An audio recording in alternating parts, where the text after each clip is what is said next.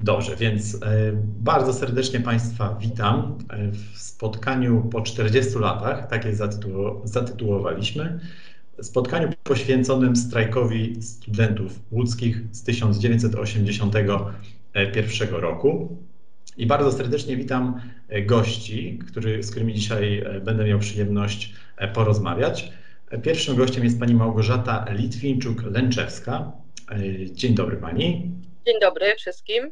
Witam. Ja tylko powiem, że pani Małgorzata była studentką germanistyki Uniwersytetu Łódzkiego od 1978 roku. W czasie strajku brała udział m.in. w redagowaniu i drukowaniu materiałów strajkowych na Wydziale Filologicznym. Była też członkiem NZS-u. Kolejnym naszym gościem jest pan Zbigniew Natkański. Dzień dobry. Dzień dobry. W czasie strajku był studentem historii na Uniwersytecie Łódzkim od 1977 roku i również był, pełnił funkcję zastępcy szefa Wydziałowego Komitetu Strajkowego w Instytucie Historii z ramienia SZSP. Dzień dobry. I pan Marek Perwiński, student psychologii Uniwersytetu Łódzkiego od 1977 roku, filozofii od 80 roku, członek międzyuczelnianej komisji porozumiewawczej, która negocjowała z ministrem Januszem Górskim. W czasie strajku również członek SZSP. Dzień dobry. Dzień dobry. Pierwsze pytanie chciałbym skierować do Pani, do Pani Małgorzaty. Pani Małgorzato, jak Pani wspomina ten moment wybuchu strajku, moment ogłoszenia strajku? Gdzie Pani wtedy się znajdowała? Co pani czuła? I... To znaczy się, ja na ten moment to już czekałam od dłuższego czasu, bo to nie był tylko ten dzień, kiedy chłopcy ogłosili wreszcie, że strajkujemy, tylko ten solidarne czuwanie trwało dłuższego czasu. I po prostu to było takie stopniowanie jakby napięcia. To napięcie cały czas rosło, rosło. No kiedy to wreszcie będzie, czy przyjadą, czy nie, no ja obstawałam, że jednak nie, nie, nie, nie, nie przyjadą w tym terminie, w którym myśmy tam proponowali. I yy, wreszcie, kiedy ogłosili wieczorem, to była 21, chyba 18 czy 17, pamiętam dokładnie. Mam to nawet, miałam to nawet zapisane. Yy, chłopcy ogłosili, że yy, rozpoczynamy strajk okupacyjny. To odczułam taką niesamowitą ulgę, że nareszcie i po i, i no nie wiem jak nazwać taki stan, taki, taka, takie, takie uczucie, że no trzeba zabrać się do pracy, że czeka nas bardzo, bardzo, bardzo ciężka praca i że to nie będzie łatwe. Z tego co wiem, to Pani była wtedy w Instytucie Germanistyki, prawda? Czyli nie na to znaczy się, ja byłam wtedy na tym wiecu, natomiast y, studenci byli na swoich jak gdyby wydziałach. Myśmy, byli, myśmy nasz Instytut Germanistyki był na Piramowicza, tam niedaleko y, dworca. No ale była taka sytuacja, że mm, tam nie było warunków w ogóle sanitarnych. Tam były trzy pojedyncze toalety, gdzie były tylko umywalki i nic więcej, i piece kaflowe. Więc e, po krótkiej naradzie, bo to była taka krótka narada tam z, z NZS-em z germanistyki, i po krótkiej naradzie tutaj y, z chłopcami na filologii stwierdzi, no w ogóle wszyscy doszli do wniosku, że jeżeli są takie właśnie małe filologie, jak y, znaczy się takie, takie w takich właśnie budynkach jak nasz, czyli y, germanistyka, filologia romańska, filologia klasyczna, bo oni mieli przecież tam niedaleko, niedaleko rektoratu Y, parę pokoi w, takim, w, takim, w takiej kamienicy, że, że jednak wszystkie, wszyscy y, y, przechodzimy na filologię, tam na, na, na Waleje Kościuszki. Nie zapomnę, jak wszyscy zaczęli zbierać tam te wszystkie rzeczy, jak które mieli. I w tramwaj i tym tramwajem, to był tramwaj chyba, jeśli się nie mylę, 20, nie, 27 czy dwunastka, już nie pamiętam, którymś tramwajem, taka cała rzesza wcisnęła się w ten tramwaj i jechała tam właśnie do y, y, Waleje Kościuszki. I jak weszliśmy już do środka, nie wiem, która to była, może to było po północy, y, to już wiadomo było, że tutaj wszystkie filologie będą tutaj, oprócz chyba filologii rosyjskiej, która została w swoim budynku. Tam, nie pamiętam, to była, obok była ulica Zamenhofa, ale ja nie wiem, czy oni byli przy Zamenhofa, czy był inny adres, ale stwierdzili, że oni zostają u siebie, oni nie przyjdą. Natomiast wszystkie pozostałe filologie dobiły do polonistyki anglistyki, no i już byliśmy razem. Mhm. To była ta noc. Do, do, do rana byli wszyscy. Okej. Okay. Czyli tak to wyglądało z perspektywy Instytutu Germanistyki. Tak. Chciałbym teraz przejść do pana e, Zbigniewa, bo pan studiował w Instytucie Historii, e, bardzo bliskim mojego, mojemu sercu, bo również jestem absolwentem tego instytutu i chciałbym zapytać, no mniej więcej o to samo, z tym, że y, chciałbym też, żeby pan wspomniał o tym, jak wyglądał klimat w ogóle tych studiów historycznych w latach 70., y, jakie było nastawienie studentów, jak, jak działało SZSP, no i oczywiście jak doszło do wybuchu strajku w Instytucie Historii. Instytut Historii sływał z tego, że, że miał odrębny budynek, taki głębi, ogrodem, więc były dobre warunki do życia towarzyskiego. Były dwie takie duże sale, sale aule, aule, dwie duże aule, gdzie były, było dużo miejsc siedzących, dużo miejsc takich po, po remoncie, gdzie była nowoczesna aparatura techniczna do robienia wykładów i do więc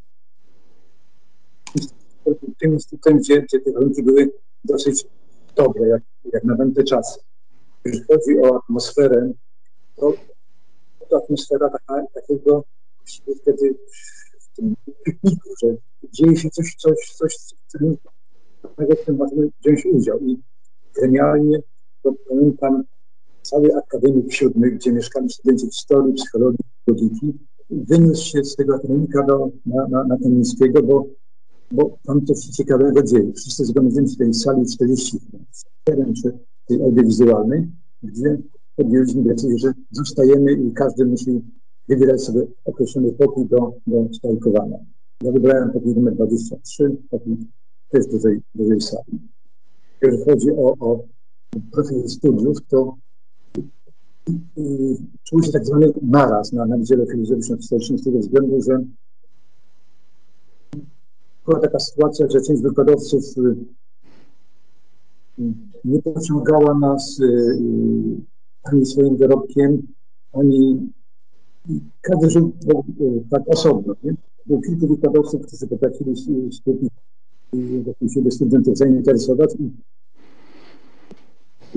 Doktor Romuald Wodlewski, był Andrzej Hracimowicz, był Waldemar Michowicz, którzy potrafili y, zainteresować studentów swoich wykładów i tematyką. I te osoby miały, miały autorytet. Potem druga połowa lat 70. to już pierwsze organizacje niezależne, opozycyjne i mieliśmy dostęp do tak zwanej bibuły, jak kiedyś druków niezależnych, nie? zwłaszcza do druków wydawanych przez Ruch Praw Człowieka i Obywatela, przez KPN i przez, przez KOA najbardziej popularną organizacją taką opozycyjną właśnie było, na wschodzie było ROC, z tego względu, że na w Sycylii mieszkał jeden z braci Szumy, więc bliskie są od jego żony dostawaliśmy czasami no, komplet świeżej, świeżej bibuły. Pamiętam w 1979 roku tam dostaliśmy od nich y, taką książkę wydaną przez już nie wiem jakie to wydawnictwo, najlepszy sojusznik to Aleksandra Bergmana, nie? to był bestseller. Nie? Potem na historii było tak, że można było mieć dostęp do, do cymerii, różnych druków wydawanych na emigracji. I to część wykładowców nas zachęcało do tego, żeby korzystać z, tej, z, tej, z tych książek i, czytać. Ja na przykład chodziłem do Były i dzięki temu poznałem Józefa Mackiewicza w 80 roku i przy, przy zeszyty historyczne. Natomiast y, osoby, które y, takiej woli nie miały, po prostu y, odbędniały studia, żeby tylko zdobyć magistra i tyle. Dziękuję bardzo. E, I trochę podobne pytanie, ale jednak w troszeczkę innym kontekście chciałbym zadać panu e, Markowi. W kontekście jedynej wówczas legalnej organizacji, czyli SZSP. Chciałem zapytać, czym ta organizacja się zajmowała w latach 70., jakie były jej, powiedzmy, cele, jakie były jej zakres działalności przed tym 80 rokiem? E, dlaczego się śmieję? Wie pan, nie mogę na to pytanie odpowiedzieć, bo byłem członkiem szeregowym, nie miałem zielonego pojęcia. Mo, e, e, moja rola, znaczy to nawet nie była rola jeżeli chodzi o to, co SZSP robiło, to jest tak jak i w innych wcześniej mówiłem w różnych innych publikacjach, to było przez teatr studencki, to, to było zainteresowanie kulturowe. Akurat w tym, w, tym, w tym okresie to był rozpad Teatru Siódemek, e, z Hejdukiem. E, Ryszard Bigosiński stworzył własne i przez ten, przez ten teatr e, to właściwie teatr był jedyną moją jakąś platformą czy, czy styku z, z SZSP. Więc to, może to, to, mm, proszę. Może wytłumaczę z tego pytania. Chodziło mi właśnie o tę działalność, czyli właśnie o tę kulturę, e, o ten teatr. Bo przecież wiemy, że SZSP oczywiście w takiej warstwie politycznej e, no było w jakimś tam sensie, było kontrolowane przez, e, przez partię, natomiast no, osoba, która chciała działać, chciała robić coś w kulturze, chciała być e, w studenckim radiu na przykład, czy w studenckiej agencji fotograficznej, właściwie była zmuszona działać na materiałach właśnie SZSP. Stąd moje pytanie właśnie dotyczyło właśnie tego zakresu, żeby Pan opowiedział nam trochę o, tej, o, tym, o tym teatrze, o, tym, o tej kulturze. Jak to się stało, żeby się Pan w to zaangażował?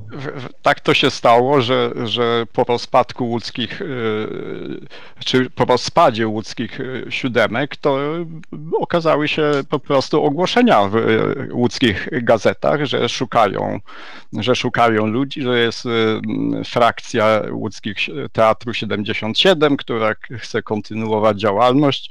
No i tak nas się tam zebrało parę osób na tym pierwszym spotkaniu i już zostaliśmy. E, I mm, to była taka ambicja e, odejścia od, od, e, od tych przecher z cenzurą czy uzależniania się od, od struktury ZSP, tylko to było raczej ciągnięcie w stronę teatru eksperymentalnego Jerzego Grotowskiego, Petera Brooka i, i, tego, typu, tego typu inicjatyw. I wtedy specjalnie o polityce nie myśleliśmy. To co, to, to, co y, mieliśmy kilka przedstawień czy happeningów w Łodzi z różnych tych i jedyne co pamiętam to, to, to ciągła walka z cenzorami, tyle że ludzie, którzy byli wyżej zakotwiczeni w strukturach SZSP, mieli już to sposób obchodzenia cenzury czy podchodzenia do cenzorów opanowany to, to oni żyli w tym, w tym wymiarze. My byliśmy szeregowymi studentami, część była e, właśnie z, z historii. No ja akurat e, zacząłem psychologię studiować, notabene już po e, przyłączeniu do teatru Univarius. To była ostateczna nazwa tego, tego teatru. Jak tam zaczynałem, to jeszcze nie byłem na studiach. To, to nie, nic więcej panu na ten temat nie mogę powiedzieć. E, są osoby, które znacznie bardziej przeżyły to jako organizatorzy takiego bardziej mainstreamowego życia studenckiego, tacy jak na przykład Ryszard Podladowski, którzy, którzy znają tą sferę. Mhm. Dobrze, to na tę chwilę dziękuję i przejdźmy już w takim razie może do samego strajku, do tego jak jak to wyglądało w czasie tych trudnych dwóch, półtora powiedzmy miesiąca strajku. Chociaż samego strajku było 29 dni, ale doliczając mhm. okres solidarnego czekania. E, mamy... jeszcze. E, pani Małgorzato, ja wiem, że Pani się zajmowała wtedy drukowaniem różnego rodzaju treści. Tak, czarna Chciałbym, robota. Chciałbym, żeby nam Pani opowiedziała o tym, jak to wyglądało powiedzmy technicznie, ale też tak troszeczkę praktycznie. Czy, czy to zajmowało dużo czasu, czy, e, czy była to ciężka praca, e, żeby Pani nam po prostu przybliżyła ten, to zagadnienie. To znaczy się już od tego momentu, jak już mamy konkretnie pomieszczenie, jesteśmy, bo to sprawa taka, że pomieszczenie musiało być oddzielne, żeby nam nikt nie przeszkadzał, tym bardziej, że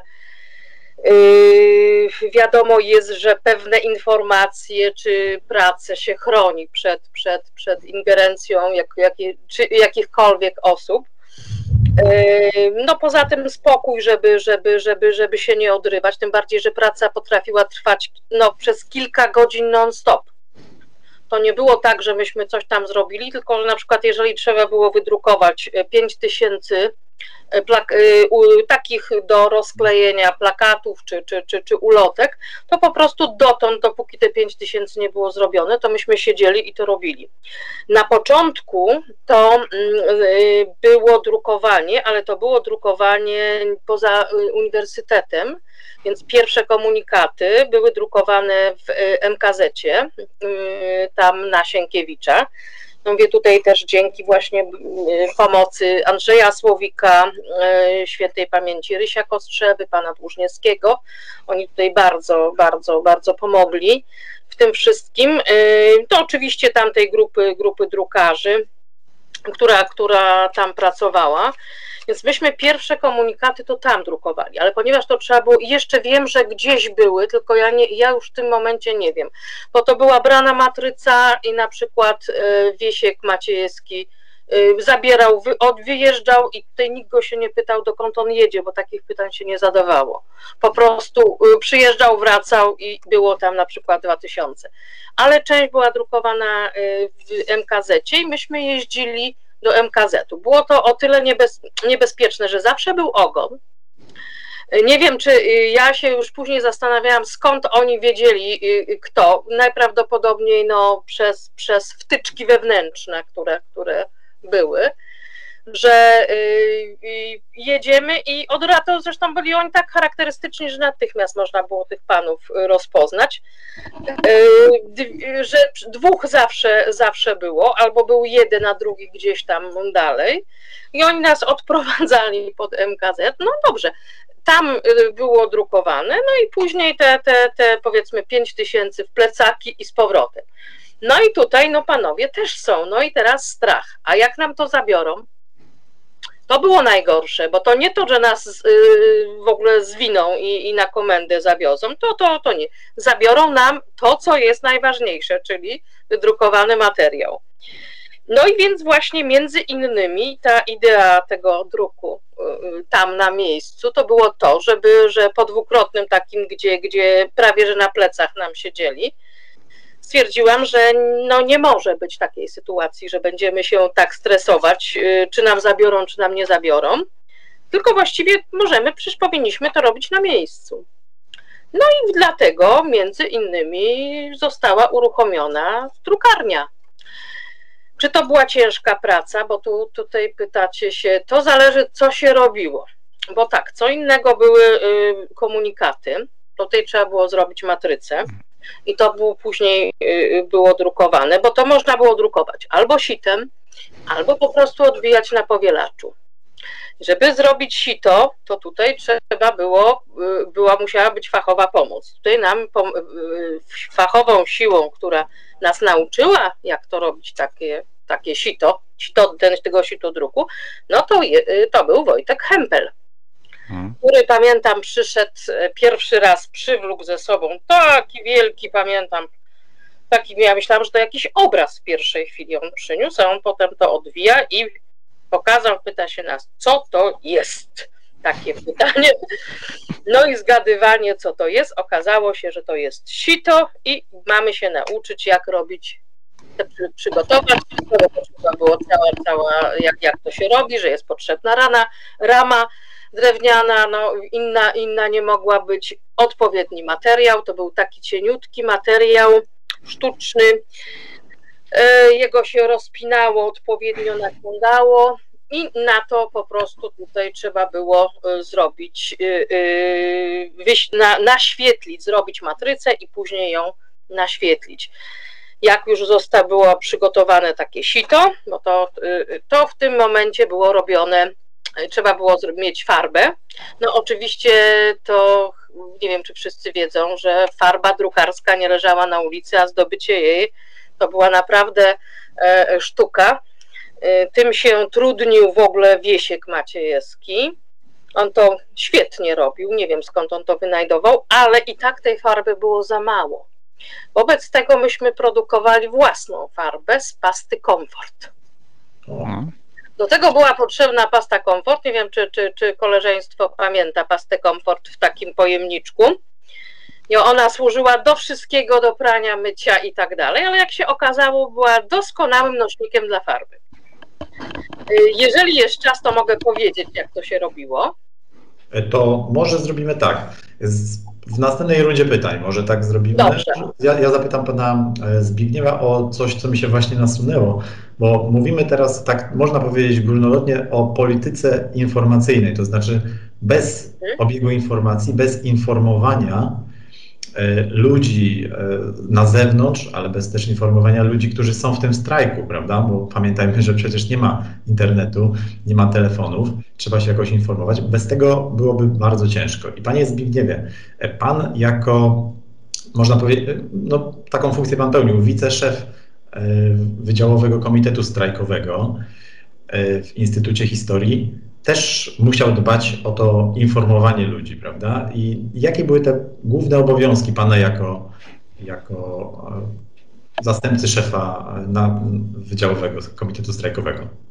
Najważniejszym źródłem, narzędziem, z którego wykorzystaliśmy w czasie strajku, Niemieckie Centrum Nabiowe KIX na osiedlu, nadawało co jakieś 15 minut komunikatu o tym, że rozpoczęła strajkowa i zapraszamy studentów do udawania się na, do swoich wydziałów i informował, gdzie poszczególne kierunki udawać. W naszym przypadku był to Instytut Historii na, na Buczka wtedy, obecnie Kamińskiego i tam studenci psychologii, pedagogiki, filozofii, psychologii, technologii i archeologii zbierali się i tam y, mogli strajkować. Moim obowiązkiem było zapewnienie, że tak powiem, tym ludziom przydzieleni poszczególnych pokoi, gdzie mogli się rozłożyć, gdzie mogli stworzyć sobie warunki do, strajkowania i, i wybrały sobie określone pokoje, gdzie, gdzie po prostu kwitło życie towarzyskie. Drugim takim poważnym zadaniem było zapewnienie e, dostępu do, do sanitariatów, żeby można było się umyć, żeby można było sobie zrobić herbaty, kanapki i tak.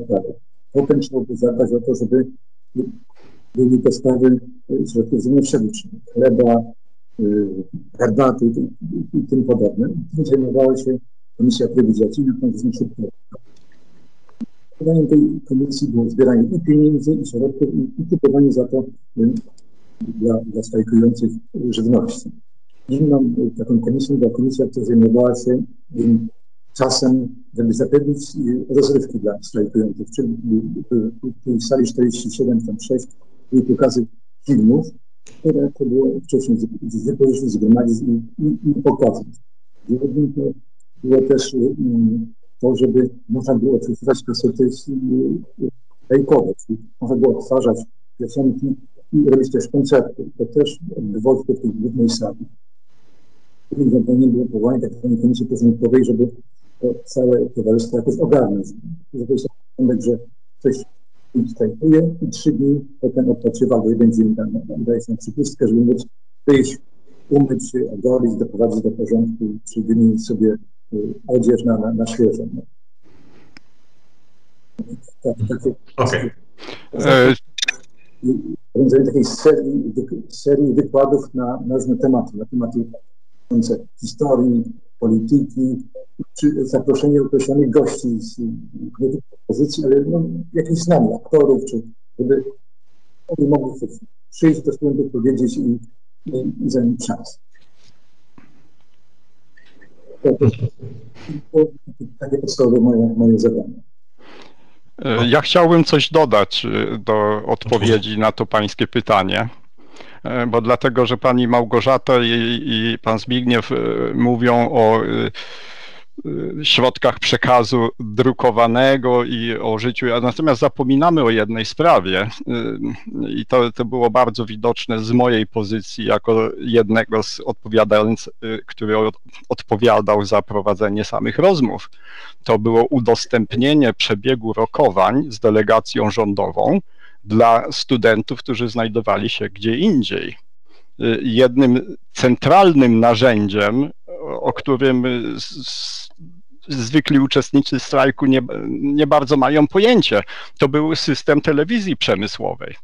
To, to było zorganizowane w ten sposób, jeżeli Państwo pamiętają, że były telewizory, gońcy jeździli z nagraniami z telewizji przemysłowej, to był ten pierwszy system wideo i, i tak, żeby można było te jakoś z pewnym opóźnieniem, ale te, te rokowania śledzić i były y, w gruncie rzeczy trzy systemy telewizji przemysłowej na sali, na sali rozmów. Jeden był nasz, to było wynegocjowane z delegacją rządową. Drugi był delegacji rządowej. Oni chcieli sobie e, też nagrywać, a trzeci był pochodzenia niewiadomego.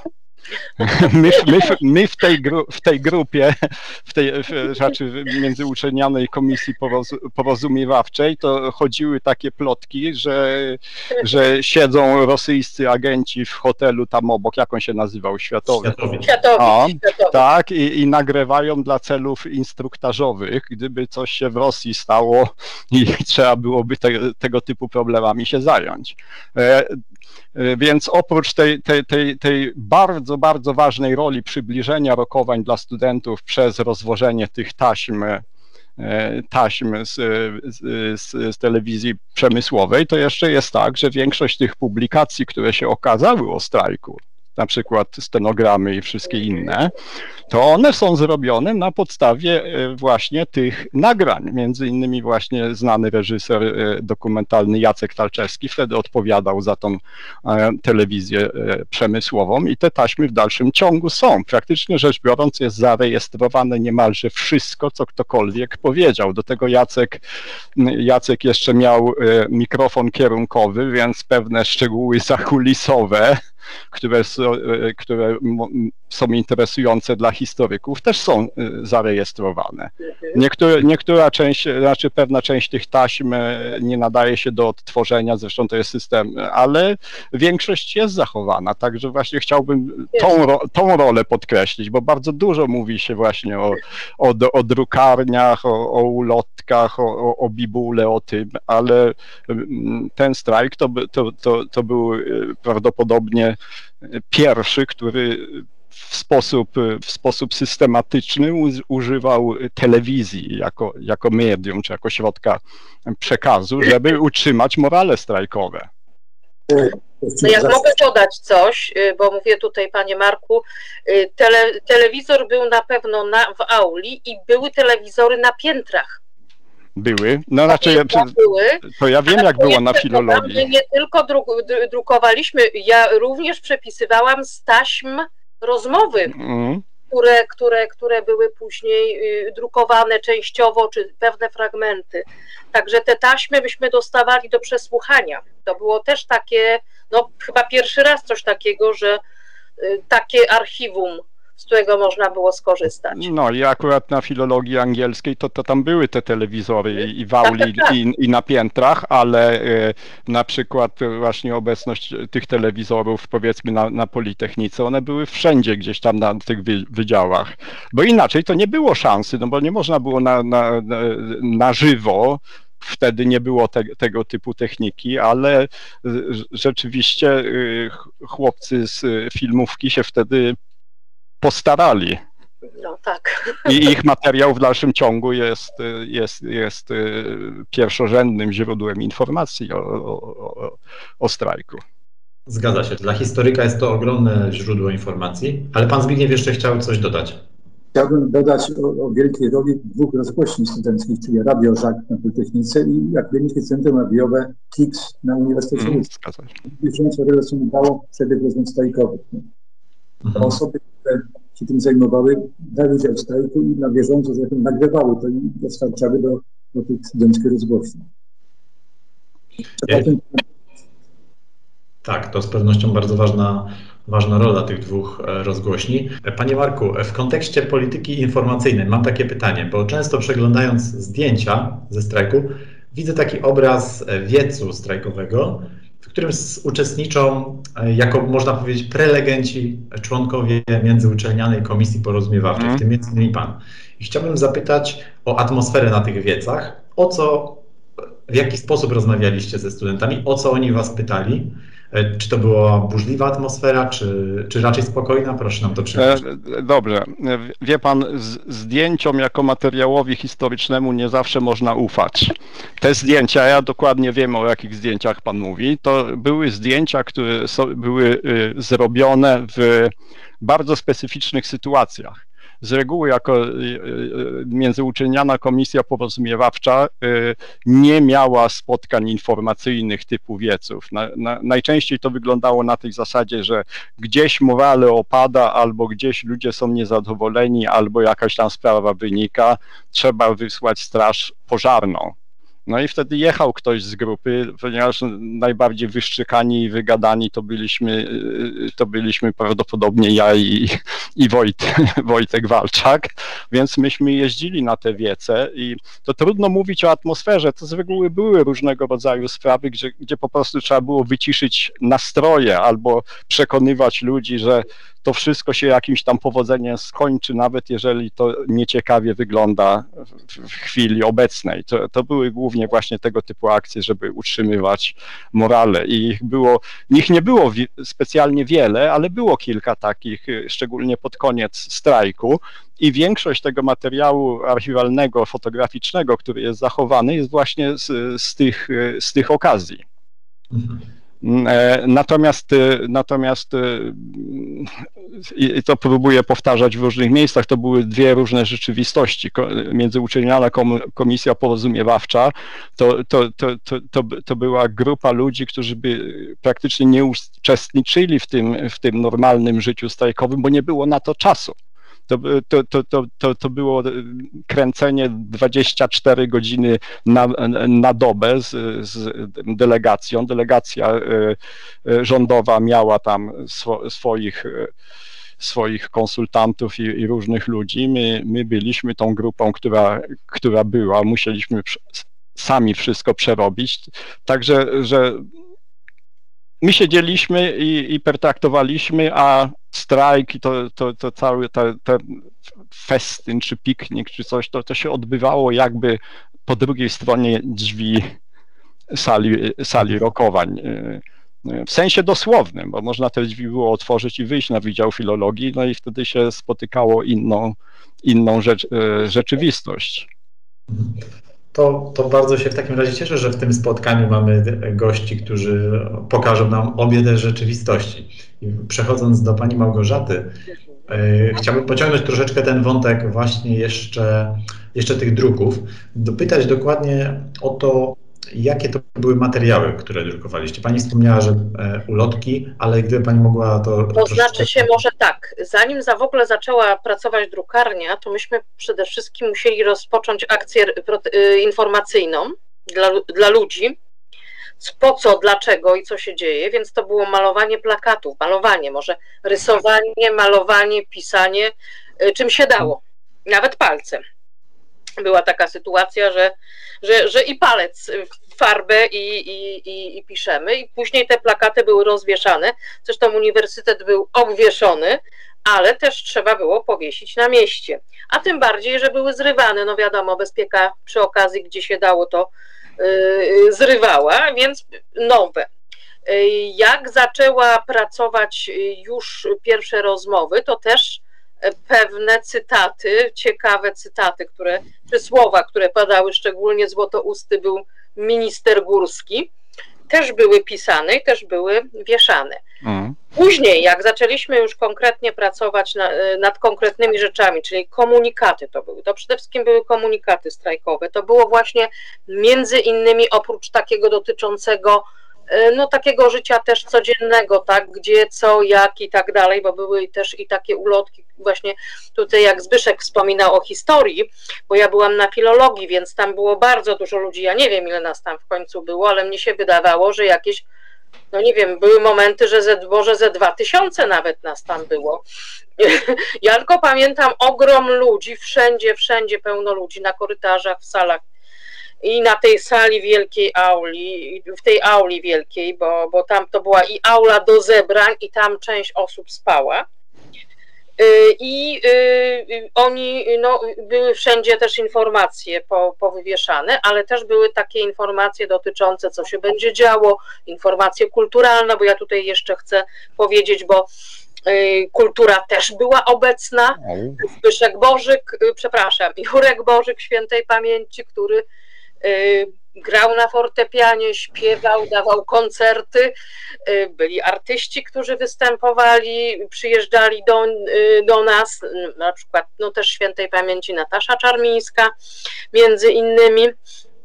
Jak mi się jej, pamiętam, koncert tak wbił w pamięć. Więc y, to i nawiązując jeszcze do tego morale, to właśnie przez tą informację, przez to, że, że cały czas była informacja, to, to morale, no, morale jest wtedy podtrzymywane, jeżeli ludzie wiedzą po co są, tak, po, po co tam siedzą, co się dzieje. I y, tutaj też dużą rolę odgrywały wszelkie te służby, które tam były, bo to, to było zorganizowane w taki sposób, że to nie to, że ludzie się zebrali, zeszli i zaczęli strajkować. Była służba, która zajmowała się jedzeniem, była służba, która zajmowała się pilnowaniem, była służba porządkowa, informacyjna. Więc to były osoby, które na przykład właśnie były krótkie komunikaty, że na przykład będzie koncert, będzie jakieś spotkanie, będzie wykład. Y, gdzie, gdzie to będzie? Kto będzie? Y, to miało wpływ na to, że, że y, to nie było większych problemów, chociaż tak jak tutaj wspomniał wcześniej kolega, były takie momenty, że no trochę tam się to jak gdyby niecierpliwili się ludzie i były wyjścia, już niektórzy chcieli wychodzić, bo to za mhm. długo, ale, ale jakoś to y, y, y, powoli było stabilizowane. No i komunikaty. Myśmy jeszcze poza tym drukowali plakaty, które, które były właśnie przygotowane do sitodruku, czyli praca z sitodrukiem, no i też komunikaty takie, jak to się mówi, wałeczkiem, drukowane po matrycy. To były te rzeczy.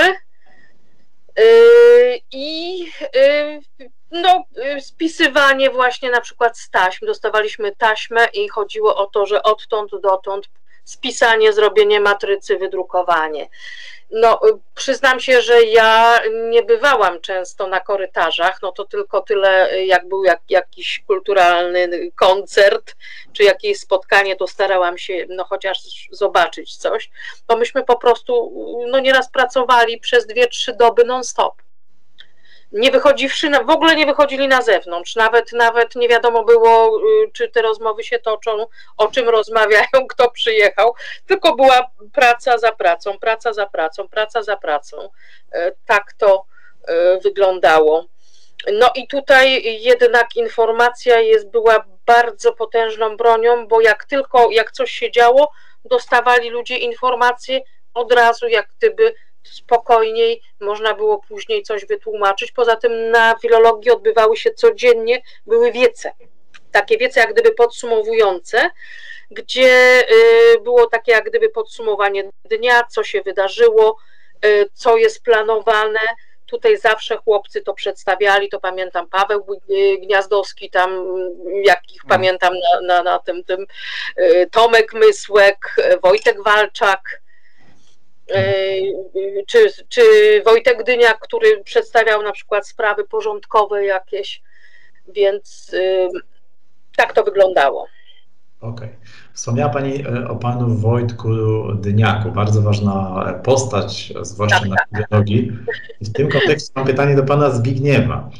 E, dlaczego? Dlatego, że pan Zbigniew w jednym ze, z artykułów w czasopiśmie studenckim w czasie strajku otwarcie krytykował e, właśnie tą, tą bardzo taką radykalną postawę e, Wojtka Dyniaka. Ja tylko przypomnę, że Wojtek Dyniak był szefem służby porządkowej. Porządkowej, tak. Który bardzo często, bardzo rygorystycznie podchodził do kwestii opuszczania, wychodzenia ze strajku. Tak. Panie Zbigniewie, gdyby Pan mógł przy, przybliżyć nam tę historię. Więc tak jak powiedziała Małgosia, że ten strajk trwał dosyć długo i część ludzi miała tego dosyć. Żeby jakoś mm, y, te nastroje poprawić, to zaczęliśmy wydawać tak zwane pismo Nowsze Drogi, nowe drogi budowane przez PZPR. My musimy coś zrobić z jajem i zaczęliśmy wydawać nowsze drogi. w którym pisaliśmy artykuły takie satyryczne. Byśmy wyśmiewali życie strajkowe, wyśmiewać właśnie Straż Porządkową, Wojtka Dyniaka y, na, na, na, na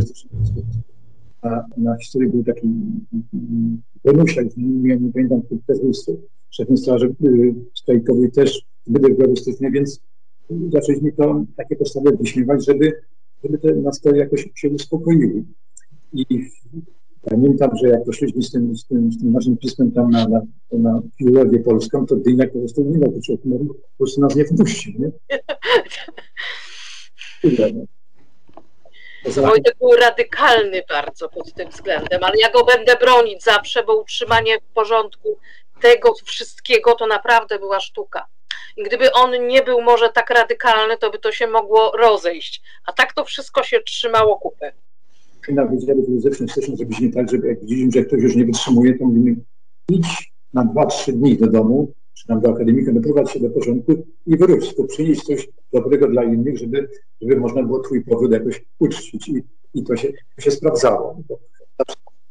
To przyniósł dużą kołówkę w postaci y, przed, wyrobów domowych, czy paczki, czy kury. Tak, tak no tutaj tak, ja tutaj też stanę też częściowo po stronie e, Wojtka Dyniaka, no bo on odpowiadał za najważniejszy budynek z punktu widzenia tak. strajku, czyli filologię, prawda? Więc on też musiał jednak uważać na wszelkiego typu chociażby prowokacje e, ze strony, które mogły mieć miejsce. E, tutaj też był minister, prawda? Więc to też chodziło o zapewnienie bezpieczeństwa samemu ministrowi, bo łatwo było właśnie doprowadzić do jakiejś prowokacji z tym tym związane. I właśnie e, przywołaliśmy postać e, ministra e, Górskiego, a zatem i negocjacji strajkowych. Pytanie do pana, do pana Marka Perlińskiego, który postulat dla pana w czasie tych negocjacji z ministrem był najistotniejszy, który który dla Pana, z Pana osobistej perspektywy? Ja nie wiem, znaczy już nie pamiętam, no jak on dokładnie był, a nie chce mi się grzebać w notatkach, jak on dokładnie był sformułowany, ale dla mnie najważniejsza to była sprawa wolności słowa i zniesienia cenzury. I to tak w rokowaniach, to tak trochę ta sprawa zniesienia cenzury ewoluowała nie byłem specjalnie z tego zadowolony z poziomu ogólnokrajowego na przynajmniej zniesienie cenzury w bibliotekach uniwersyteckich i w środowisku akademickim. To tak e, z mojego prywatnego e, punktu widzenia. Mhm. Pan Zbigniew coś chciał dodać, tylko coś przerwało. Znaczy nam chodziło o to, żeby y, te wydawnictwa imigracyjne były ogólnie dostępne dla, dla, dla studentów, dla, żeby mogli to spokojnie hmm. czytać autorzy migracyjnych i tak dalej. Zatem nam chodziło wtedy też o to, żeby te przedmioty ideologiczne w postaci podstaw nauk politycznych, filozofii marksistowskiej, tego wielkiego wojska żeby, i nauki języków obcych, nie tylko rosyjskiego, ale każdego innego zachodniego języka, żeby można było, było prawo wyboru, a nie, a nie przymusu.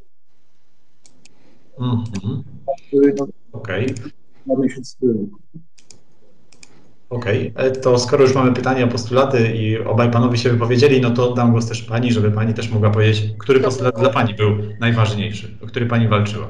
Wtedy, no tutaj, tutaj w tej chwili jak tak, no to było kilka postulatów, to nie był jeden postulat. Może być kilka. Oczywiście, oczywiście to przede wszystkim właśnie wolność słowa, to co tutaj Marek wspomniał, tą wolność słowa i dostęp do prohibitów, czyli do rzeczy, które, które, które były hmm. no, y, y, zabronione albo trzeba było uzyskiwać zgodę y, kierownika instytutu, dziekana i tak dalej, i tak dalej, bo na przykład myśmy tutaj jako studenci germanistyki mieli utrudniony dostęp do zachodnich wydawnictw i, i zachodnich autorów, więc y, tutaj trzeba było występować pisemnie, żeby się zgodzili i tak dalej, i tak dalej. No nie mieliśmy dostępu do, mm, y, do, do Republiki Federalnej Niemiec, do tego, co było wydawane. Wszystko właściwie, co przychodziło, to było z NRD i to był priorytet. Natomiast no, czasem coś się pojawiało, ale to było dosłownie w postaci jednego egzemplarza i no, dla studentów chwilowo niedostępne. Piękne. To był, najczęściej był taki komunikat, czyli to było ważne. No i co tutaj jeszcze dla mnie, oczywiście to była rejestracja NZS-u, bo, bo, bo o to tutaj chodziło i, i przede wszystkim właśnie, żebyśmy mieli y, no, studencki związek, który byłby zupełnie niezależny od mateczki partii, tak? Od mateczki partii i, i żeby to był rzeczywiście y, y, niezależny y, związek student, studentów, który będzie, będzie tę no, tą działalność i zarówno związaną z życiem studenckim, z, ze studiowaniem, jak i również no, chodziło o tą wolność słowa, o tą, o tą, o tą zerwanie z, z tymi konwencjami socjalizmu Wielkiego Brata czyli po prostu powrót do tak zwanej normalności. Oczywiście, no dalej to szło o to, żeby no wojsko, E, coś z tym zrobić, żeby, żeby no nie było tak, że cały właściwie rok, jeden dzień wyrwany z życiorysu, jeszcze chłopcy potem cały rok do wojska szli. Dziewczyny, myśmy, myśmy nie szły na szczęście, no ale na przykład zdawałyśmy egzamin. Musiałyśmy egzamin taki cały zdawać. E, to były też właśnie języki dla innych tutaj, tutaj kierunków Myśmy mieli na szczęście na filologii tutaj obcej y, wybór, y, ja pamiętam, był, był angielski. Myśmy mieli angielski, mogliśmy jeszcze wybrać, ale potem y, nie było lektora, albo szwedzki, albo norweski. Tylko lektor niestety wziął, był, zrezygnował, więc tego szwedzkiego już nie mieliśmy. Ale na przykład wszystkie inne kierunki oprócz tych filologii zachodnich musiały mieć rosyjski. Nie mogły wybrać żadnego innego języka. Także, także nie było to, że tylko, tylko musiały się uczyć rosyjskiego. No i oczywiście e, filozofia marksistowska, o pamiętam podstawy nauk politycznych, które, które, które były cały rok, z tego jeszcze był olbrzymi egzamin. No i ekonomia polityczna, co tam śpiewał Oleg Grotowski, ekonomia wam nie miła, gdzie, gdzie, gdzie też obowiązkowy egzamin z, z tej ekonomii po pierwszym roku. Także to były takie obciążające rzeczy studenta, które absolutnie nie były związane z naszym kierunkiem studiów. I, i, i to było zupełnie w takim wymiarze niepotrzebnym z egzaminami i, i, z, i z tym wszystkim. Więcej można byłoby czegoś konkretnego, prawda, zajęć praktycznych. Także z mojego punktu widzenia to były te rzeczy. No i oczywiście no, NZS, rejestracja NZS-u. Tak. Jeszcze wspomniał o jednym postulacie związanym z tak zwaną z autonomią uczelni, żeby poszerzyć grono studentów Aha. w Senacie, że jedna trzecia elektoratu, y, znaczy jedna trzecia to, jest, to są przedstawiciele. Jedna trzecia, jedna trzecia, chyba jedna trzecia z tego, co było, tak? Z, mhm. Pamiętam. Zgadza się. Ja Państwu powiem, że ogólnie... studenckiego na osiedlu Lumumby, więc wiedziałem, że jest to bardzo ważna rzecz, bo dzięki temu po prostu można było uzyskać środki i możliwości działania. Nie? W Instytucie Kultury, klubów studenckich, które wtedy istniały, radia akademickiego czy, czy, czy, czy innych form działalności studenckiej. Mhm. Tak, tych postulatów, jak ja kiedyś e, wziąłem się do pracy i naliczyłem, to wyszło mi 47, a więc było ich bardzo dużo. Rzeczywiście e, te postulaty, o których Państwo powiedzieli, to są te sztandarowe. Ja bym chciał też zwrócić uwagę, że spora część to były też takie postulaty, byśmy powiedzieli, takie prozaiczne, zwykłe, proste. Jakaś tam poprawa warunków lokalowych w akademikach, e, jakieś tam podniesienie stypendium. Stypendia, takie, właśnie, o. Tak, takie drobne, a nawet i jeszcze drobniejsze, jak chociażby zwrot kosztów E, podróży dla studentów, e, którzy prowadzą jakieś badania. Praktyki robotnicze, zniesienie praktyk robotniczych. Przecież, tak. przecież myśmy musieli mieć te praktyki robotnicze. O to tutaj chodziło, żeby ten miesiąc nie był wyrwany z życiorysu hmm. na te praktyki robotnicze. To, to, to, to jest. Zmniejszenie służby wojskowej, a więc to też by miało, miało swoje znaczenie. Dla chłopców. Tak. E, no ale żeby walczyć o te postulaty, no to trzeba mieć zawsze jakichś sojuszników, prawda? I stąd moje pytanie do pana Zbigniewa, czy e, wśród na przykład kadry naukowej Instytutu Historii znajdowaliście sojuszników, którzy wam pomagali, wspierali, dodawali otuchy? no mogę nawet wymienić imienia i nazwiska osoby. Na przykład, jeżeli chodzi o historię, to Andrzej Harasimowicz przede wszystkim, y, jak doktor Wróblewski, Romuald Wróblewski, jak pani profesor Krystyna Śreniowska, jak y, pani wtedy magister Czcińska, to obecna profesor z onkologii.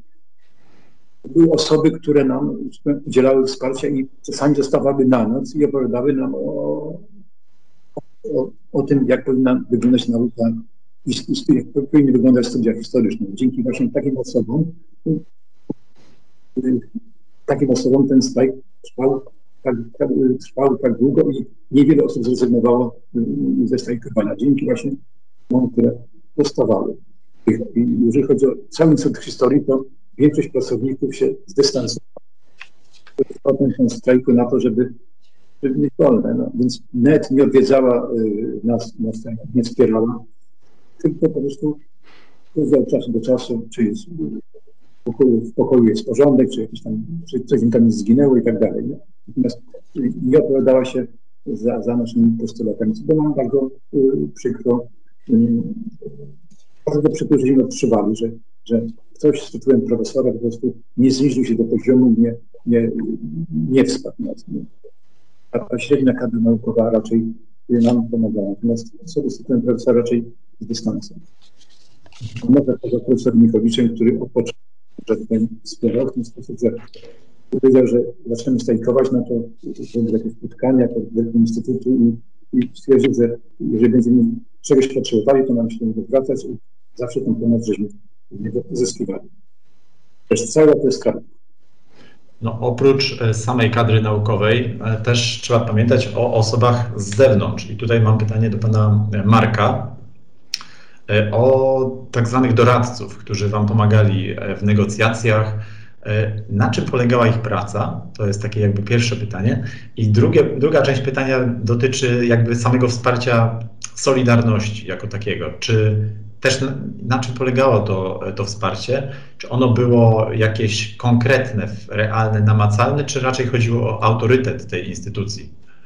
E, to są, to są jakby dwa różne pytania. Jeżeli chodzi o sprawę tak zwanych doradców, to z perspektywy, z perspektywy międzyuczelnianej komisji porozumiewawczej to ich rola była żadna, z wyjątkiem tego, że byli i byli jakby tłem, ilustracją poparcia. Natomiast, y, na, natomiast y, czysto merytorycznie to y, specjalnie wiele nie, nie, mieli do powiedzenia. Być może jeżeli chodziło o wytłumaczenie jakichś tam spraw prawnych czy, czy tego typu spraw, osoby takie jak Marek Edelman, no to, to sama ich obecność, to, mhm. to, to, to, to, to, to, już coś. Natomiast natomiast y, nie, nie angażowali się i myśmy, ani nie było na to czasu, ani, ani specjalnie ochoty w, w, w tej grupy międzyuczelnianej komisji porozumiewawczej, żeby, e, żeby doradcy grzebali w tych tekstach, które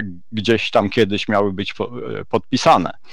To jest ta sprawa. Natomiast jeżeli chodzi o Solidarność, to jest tego typu sprawa, ja to zawsze podkreślam, że y, w Łodzi to co, to, co zaobserwowałem i to, co słyszałem między innymi od Wojtka Dyniaka, który odegrał jeszcze bardziej kluczową rolę niż moi poprzednicy tu mówili, rolę w samym przebiegu, przebiegu rokowań i, i też relacji z OKZ NZS, czyli z, z tą warszawską grupą, która, i, i tak dalej, więc ale, ale pomijając to i koncentrując się na Solidarności, to, to przede wszystkim wielkie poparcie. Wielkie poparcie. Ja z tymi ludźmi też siedziałem w więzieniu i, i, i i w Sieradzu, i, i, i w Łowiczu, więc spotkaliśmy się później już po stanie wojennym w bardzo nieprzyjemnych okolicznościach. To było właśnie poparcie ze strony, ze strony komisji zakładowych, To, to, było, to, to, to byli z, zwykli ludzie z, z łódzkich zakładów pracy, którzy wyrażali swoje, swoje poparcie. Ludzie bez jakiegoś zakotwiczenia w środowisku akademickim. To było poparcie od poparcia moralnego do załatwiania drobnych spraw, do, do, do, star, do, do załatwiania mleka czy chleba, czy, czy, czy co tam było potrzebne. E, więc to poparcie było wyczuwalne i było duże. E, nawet e, i to, to o, to, o tym nawet no, no my, którzy byliśmy dosyć odizolowani w tej grupie prowadzącej same negocjacje, byliśmy bardzo świadomi. Druga sprawa, z którą spotkałem się, się osobiście, to poparcie ze strony, ze strony Solidarności Łódzkiej, przede wszystkim Andrzeja Słowika, bo to między innymi umożliwiło nam dotarcie do Wielkiej Trzynastki i, i, i do Wałęsy, żeby próbować jakoś e, zakotwiczyć tą naszą sprawę centralnie w Solidarności. To wyszło tak sobie, specjalnie, specjalnie dużo to, e, e, to, to nie, nie, nie przyniosło. Ja podejrzewam, że Solidarność jako, jako związek zawodowy bardziej się zainteresowała sprawami studentów po podpisaniu porozumień, znaczy podejrzewam, ta, ta, tak mi się wydaje, już po podpisaniu porozumień i kiedy ca, cała ta sprawa się udała. Natomiast y, poparcie ze strony tej bazy zakładowej Solidarności by, by, było duże i było wyczuwalne. Ja podejrzewam, że bez tego poparcia to e, cała logistyka strajku by się załamała czy nawet logistyka y, na filologii angielskiej. Może to nie było 2000 studentów, ale coś pamiętam z tego okresu, że Wojtek Dyniak mówił o 1600 osób. Wszyscy, którzy ten lokal znają, wiedzą, jakie to jest wyzwanie logistyczne. Ja mówiłam około, około dwóch tysięcy, bo to momentami to tam y, przy, y, obserwatorzy przy, przybywali. O, tam przybywali bardzo różni dziwni ludzie cały czas. No, tak, tak, tak. To był młyn. To... Ja mogę, jeżeli tutaj, tutaj koledze y, dopowiem, bo to odnośnie właśnie Andrzej Słojka, ale tam chcę jeszcze opowiedzieć o Rysiu Kostrzewie i Jurku Dłużniewskim z MKZ-u, który, którzy z ramienia, jak gdyby to takie dwa ramiona Andrzeja jedno, którzy tutaj przy pomocy tam swoich zakładów i tych zakładów spowinowaconych, oni nam y, y, przecież przywieźli materace. Mhm. Myśmy dostali materace y, od zakładów, koce, śpiwory, naczynia, Także tutaj ten, ta, ta cała logistyka taka mm, no, dotycząca tego bytowania została y, wzmocniona, bo ja pamiętam, że pierwszą noc to spędziłam na kocu na podłodze. Na normalnie rozłożonym kocu na podłodze, przykryta drugim kocem. To i A tak już, szczęście. No i tak miałam szczęście.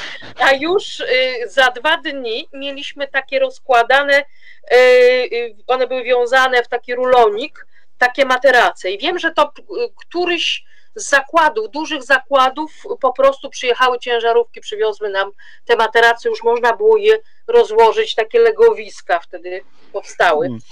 Ja pierwszą noc e, na terenie filologii angielskiej, to, to jeszcze wtedy chyba nie było między uczelniana komisja porozmawiawcza, tylko Studencki Komitet Jedności, jak się tam zwal.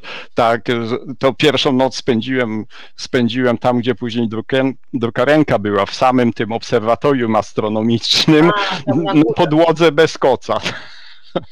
No to, to, to tutaj, no, no to tak to wyglądało. No na, to niektórzy na krzesłach próbowali spać, ale to chyba było gorsze.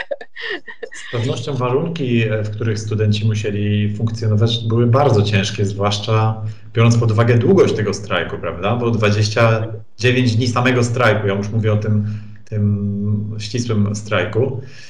I no, ogromna rola tych służb, o których pani Małgorzata wspominała, prawda? Wszystkich właściwie, żywnościowa, porządkowa, ale i taka sama koordynacja tego wszystkiego, żeby to wszystko jakoś funkcjonowało, to było trudne. I stąd pytanie do pana Zbigniewa, mm, czy te, te, te ruchy, powiedzmy, które dążyły, no może nie dążyły, ale źle, źle, się, źle powiedziałem, ale ruchy, które osłabiały strajk, które w jakimś sensie powodowały to, że studenci opuszcz... czy mieli coraz, byli coraz bliżej opuszczenia tego strajku. Czy one były silne w Instytucie Historii? Takim momentem szczególnym był, był wizyta y, warszawskiego NZS-u, tego który chciał, że tak powiem, specyfikować strajk, stwierdząc, że musimy się przyłączyć do apelu y, generała Jaruzelskiego o 90 dni spokoju. Że Solidarność nie pozwoli nam strajkować z tego względu, że wy możecie studiować dzięki, strajkować dzięki temu, że, że robotnicy pracują w fabrykach, nie? Więc lepiej byłoby, gdyby się strajk skończył i tak dalej. I pamiętam na wydziale, na moim wydziale na Instytucie Historii przyjechało dwóch właśnie chłopaków z NZS-u, z tego warszawskiego, chciało nas namówić na, na, na wyjście, na zakończenie akcji strajkowej. Zrobiliśmy to w ten sposób, żeśmy ich zamknęli na całą noc, wypuścili rano następnego dnia i, i tyle. Pozostaliśmy do, do, do, dalej, żeśmy strajkowali. Stwierdziliśmy, że nie będzie nam ktoś z zewnątrz dyktował, co mamy robić. I to była decyzja, oddalimy się do zgromadzenia ogólnego strajkującego na, na wydziale i stwierdzili, że nie dalej. Nie przejmujemy się apelem OKZ-u, tych ochroniarzy z Warszawy. Nie chcą, to następnego dnia ich wypuścimy do Warszawy. Wracają tam, skąd przyszli. Okej. Okay. Mhm. Wiedzieć, że, że część osób stwierdziła, że to jest to nasza taka spontaniczna akcja wynikająca z naszego przekonania, to stajemy do końca, do, do zwycięstwa takie gorące dyskusje wieczorem, w nocy właściwie. No u nas też za, w areszt wzięli tych przedstawicieli, co chcieli rozbijać strajk. No to tutaj, tutaj podobna była sytuacja. Mhm. Znaczy zamknięte na historii to był późniejszy minister spraw zagranicznych. Mhm. Mhm. A panie no, Marku... to samo u nas na filologii, no. Tak. Późniejszy minister spraw zagranicznych. No i Wojtek Dyniak tutaj y, odegrał kluczową rolę. O, owszem. E, ja tylko jeszcze, jeżeli chodzi o tą sprawę, bym dodał, że, że y, irytacja w, w, znaczy w Komisji Porozumiewawczej i w, w łódzkim NZS-ie, irytacja na OKZ NZS była raczej trudna do ukrycia. E, bardziej szkodzili niż, niż e, pomagali. Decyzja czy PZSP, czy innych organizacji studenckich wtedy że nie, nie będziemy nikogo słuchać. Sami wiemy, co mamy robić najlepiej. Tak, Tutaj no, była taka idea, przepraszam, jak dodam, do, do, może ja o czymś jeszcze powiem, bo przynajmniej mnie tak, ja się dowiedziałam od jednego e, z z, z, z chłopaków, tych właśnie, co przyjechali, że oni przyjechali, że myśmy się już tutaj nastrajkowali, my już jesteśmy zmęczeni i myśmy powinni y, przestać już odpocząć, a oni w Warszawie zaczną kontynuować ten strajk dalej. Czyli y, strajk przejmie Uniwersytet Warszawski, czy uczelnie warszawskie. Hmm. Y, tak, taki był też pomysł, przynajmniej taką informację ja też miałam. Nie wiem, nie wiem, czy to było u Was też tam na historii ta, ta informacja doszła, czy nie. Taki był pomysł, że to Warszawa przejmuje, Warszawa będzie strajkować, a my sobie możemy pójść do domku. To... Student bibliotekoznawstwa, który potem, jak to powiedział, to miał zakaz wstępu na, na, na, na, na nasz wydział. Aha, tak. Nawet, Ważnym... Marek na nazwisko już nie pamiętam. Był chyba członkiem Stowarzyszenia PAX. E, Marek Malisiewicz. A, Malisiewicz, faktycznie. Pan Malisiewicz został usunięty od nas. Nie miał wstępu na. Okay. Przechodząc powoli. Zaprotegował, że to jest wspólna decyzja. Ja jeszcze tylko jedną rzecz, jeżeli już, już mówimy o, o, o NZS, to z, z mojej pozycji, tego centralnie prowadzącego rokowania, to myśmy oceniali, że, że namącą, namącą, ale niczego to merytorycznie nie zmienia, dlatego że e, e, międzyuczelniana komisja porozumiewawcza miała dość dobre kontakty z mm, centralnymi osobami w opozycji polskiej w Warszawie, z, z Kuroniem, z Geremkiem i tak dalej. I powiedzmy, oni w swojej kolejności mieli jakieś tam koneksje z, z ówczesną elitą, elitą władzy. I, I, nasza sprawa, stan, stanowisko Łodzi, że strykujemy do, do skutku, a jednym z efektów będzie rejestracja NZS-u, jest słuszne, więc OKZ NZS specjalnie wiele poparcia e, e, ze strony opozycyjnej Warszawy e, też nie miał. No. Natomiast no, stworzy, stworzyli nam trochę kłopotów przez, przez kilka dni, szczególnie pod koniec strajku. No. Tak, zwłaszcza 16-17 luty to był ten moment moim zdaniem najbardziej krytyczny dla, dla strajku, bo to były i wyjazdy do Warszawy, e, też delegacji właśnie z e, panem Markiem między innymi.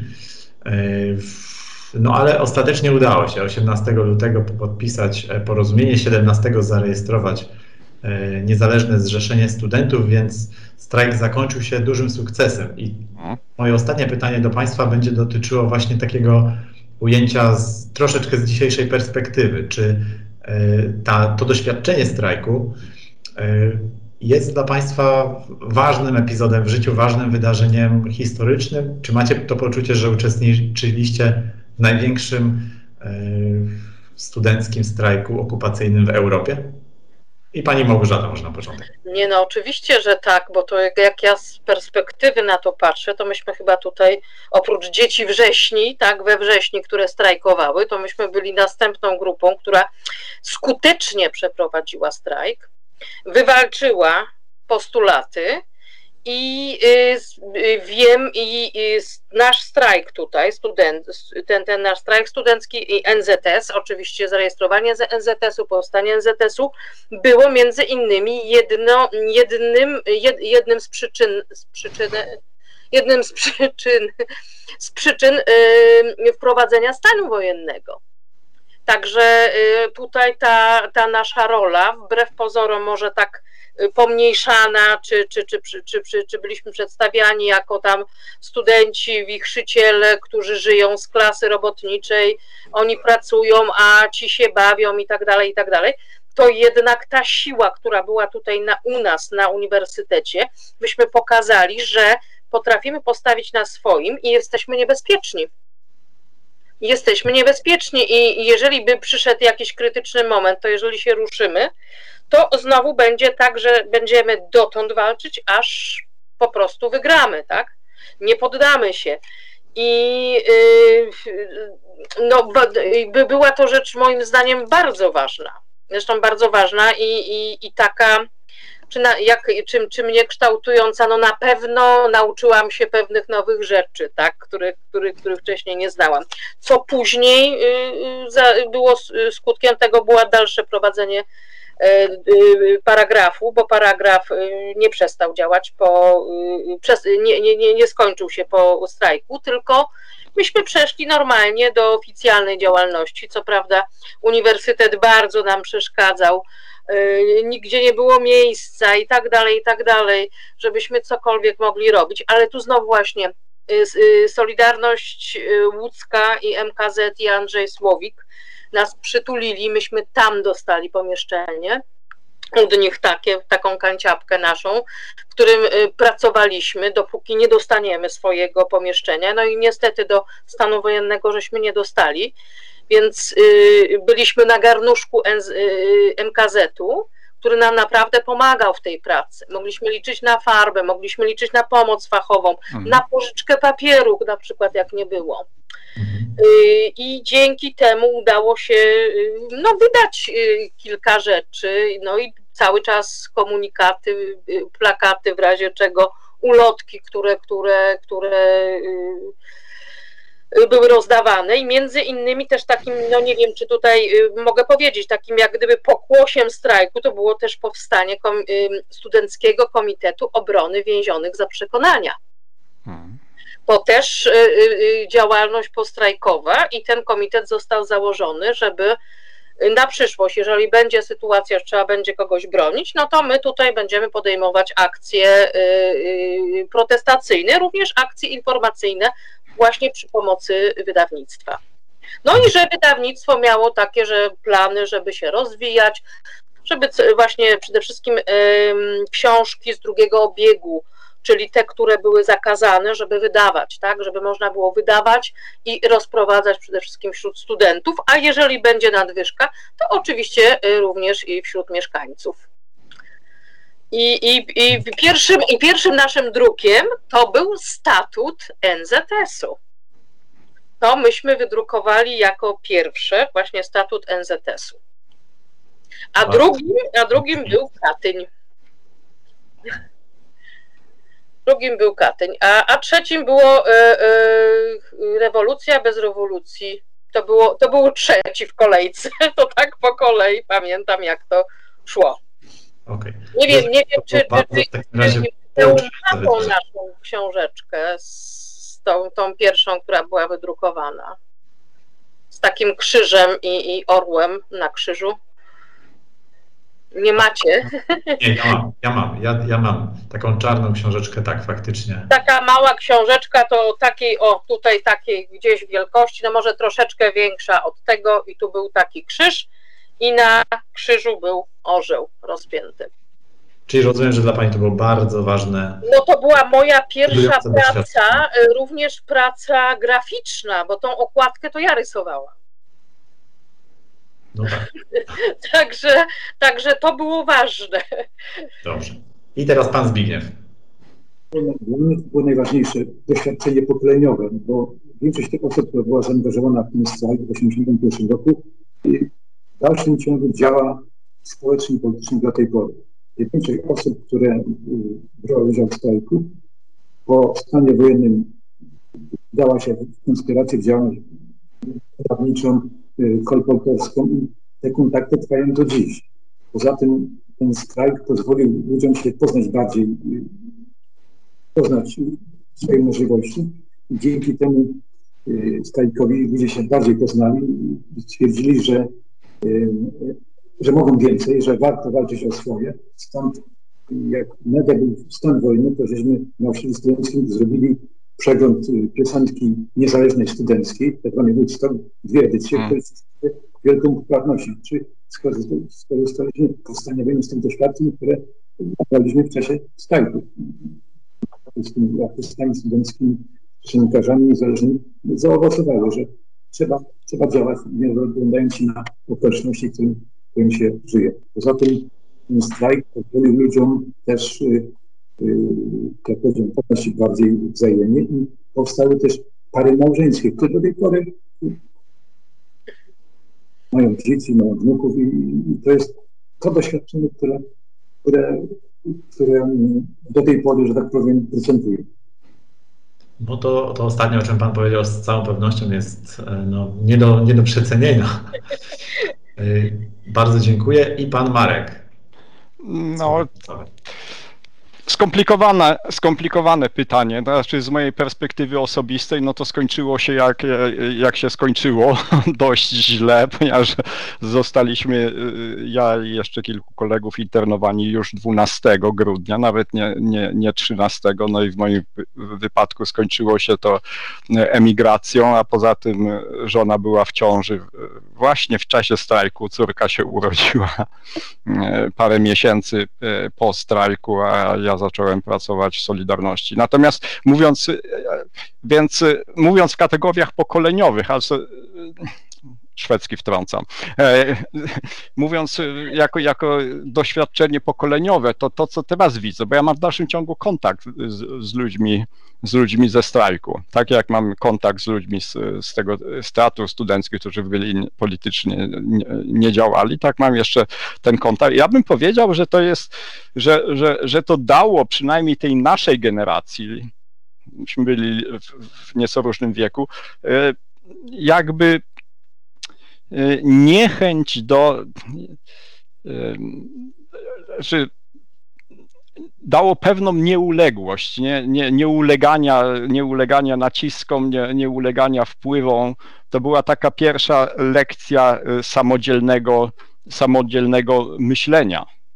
E, I, wydaje mi się, że ja w dalszym ciągu to, to, to, to nieuległość widzę u moich znajomych z, te, z, z, tego okresu, a prawdopodobnie to ona się e, przeniosła też. Inna sprawa, o, o której e, trzeba pamiętać, to to, co mnie dziwiło wtedy, że, że e, wszyscy, którzy byli zaangażowani w, w strajku w taki czy inny sposób, nie wszyscy, ale większość, większość y, mm, nie byli specjalnie e, represjonowani. E, to znaczy represje były, ale to, to nie, nie była forma odwetu PZPR-u i państwa na poszczególnych jednostkach. Ja, mam, ja czasami to określam w ten sposób, że porozumienia łódzkie zostały podpisane, egzemplarz studencki gdzieś zginął, to jest w ogóle dziwna historia, nikt nie wie, e, co się z nim stało, natomiast e, egzemplarz ministerstwa czy, czy partyjny na pewno gdzieś tam, e, gdzieś tam jest, ale duch tych porozumień pozostał wśród studentów i miał też pewien wpływ na ówczesną władzę. Oni coś tam wtedy, wtedy załapali. Na, ja mogę, mogę to nawet potwierdzić, bo... Kontrolę dusz. Tracili kontrolę nad, nad, nad, nad młodzieżą wtedy. Wtedy uświadomili sobie, że, że nie, ma, nie mają już tej kontroli. Nie mają, ma, mają środki, ale nie są w stanie nas, nas kontrolować w takim samym stopniu, jak było w latach 70. Tak. W kontekście tego, co Państwo powiedzieli teraz, to ja chciałbym też przypomnieć o ustawie z o szkolnictwie wyższym z 1982 roku, czyli już z okresu stanu wojennego, mm. pomimo tego ciężkiego czasu, ona zawierała wiele postanowień porozumienia łódzkiego z tego 18 lutego. Więc... Zgadza się. Duch, ży, duch żył, duch był, ale papiery zniknęły. Papiery zniknął, ale duch żył, zgadza się.